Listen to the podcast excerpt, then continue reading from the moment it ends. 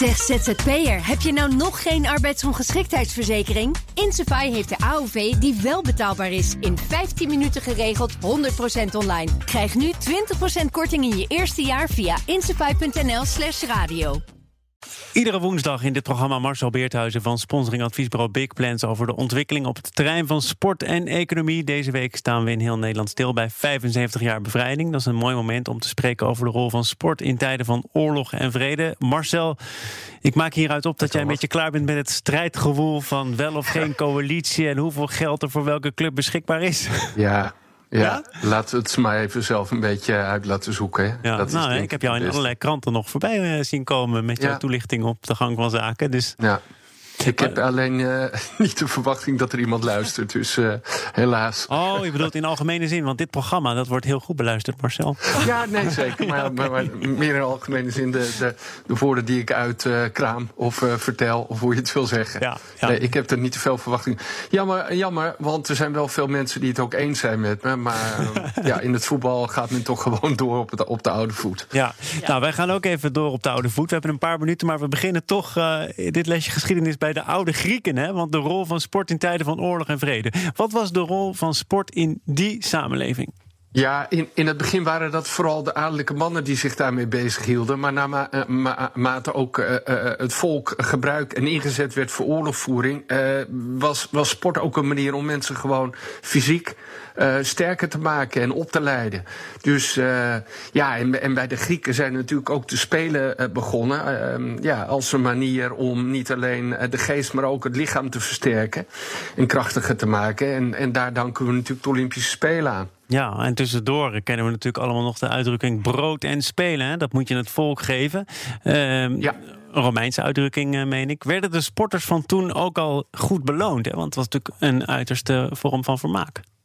Ja, ik heb daar net een mooi verhaal over gelezen. Een paar weken geleden in de Volkshand was het, meen ik, van uh, een oude hoogleraar oude geschiedenis. Die vertelde dat wij nu wel vaak klagen over het feit dat Messi en Ronaldo zoveel verdienen. Maar dat in die tijd, er was een hele befaamde paardenmenner, die heette Gaius Diocles. Een Spanjaard, die, die, die was al een multimiljonair. Die, die, die bezat meer dan 40 miljoen. En, en verdiende dus veel meer dan Messi en Ronaldo als je dat om zou zetten naar, naar deze tijd. Dus samen. Dus uh, goed geld verdienen is echt van alle tijden. Ja. En de Romeinen gebruikten natuurlijk ook uh, de spelen, hè, brood en spelen. De spelen om het volk gedijst te houden en ze gewoon afleiding, afleiding te geven. Dat is wat we ook nu weer zien. Ja, sport is een hele belangrijke manier voor ontspanning. En ook om soms te vluchten uit de ellende. Tussen de oude Spelen van de Romeinen en de moderne nieuwe Olympische Spelen zit wel een enorm gat. Maar de grondlegger daarvan was Pierre de Coubertin. Uh, Ook dat heeft uiteindelijk te maken met, met oorlog en vrede. Kun je dat nog even kort toelichten? Ja, dat, een Franse baron hè, die zag dat, die, uh, dat uh, Frankrijk uh, werd verslagen in de Frans-Pruisische oorlog.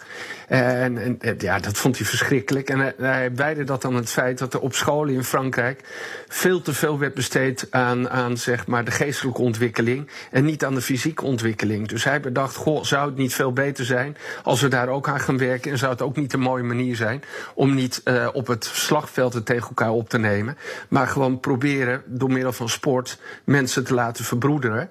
En, en, en dat is natuurlijk uitgegroeid tot, tot die Olympische Spelen. Dus uh, ja, ook, ook daar lag eigenlijk een oorlog uh, aan de basis van, van zijn gedachten. Maar is dat, uh, is dat veel mooier uitgepakt. En zijn gedachte was toch ook meedoen is belangrijker dan winnen. Dat is toch de Olympische gedachte uiteindelijk? Ja, ja die, is, die is wel een, uh, een beetje verdwenen.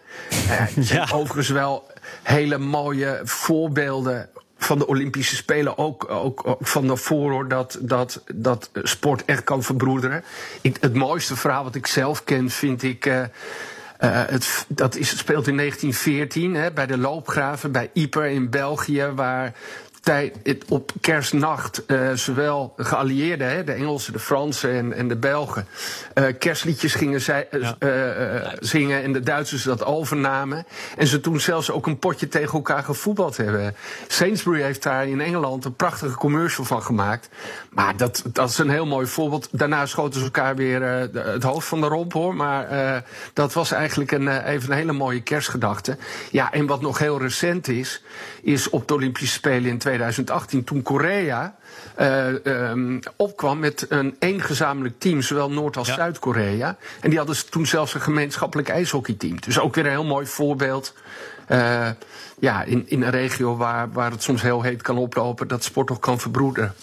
En als je het hebt over oorlogen, of, of in ieder geval politiek bedrijven, dat zie je ook buiten oorlogen om op die Olympische Spelen. Hè? Dat, eh, heeft het nog effect gehad? Ik denk bijvoorbeeld aan spelen die geboycott worden door landen. Of, uh, nou ja, we kennen natuurlijk München 1972.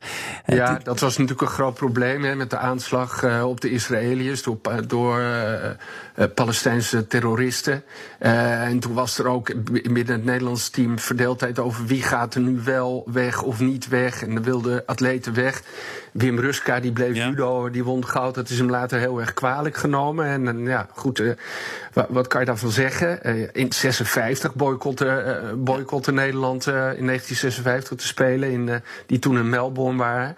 En ook in 80 zijn, zijn de Spelen geboycott door een aantal sporters, door een aantal landen, hè, vanwege de inval van, in Afghanistan door de Russen. Ja door hè, de Sovjet-Unie nog in die tijd. Dus eh, ja, of het nou altijd zoveel heeft uitgemaakt, ik geloof er niet zo in.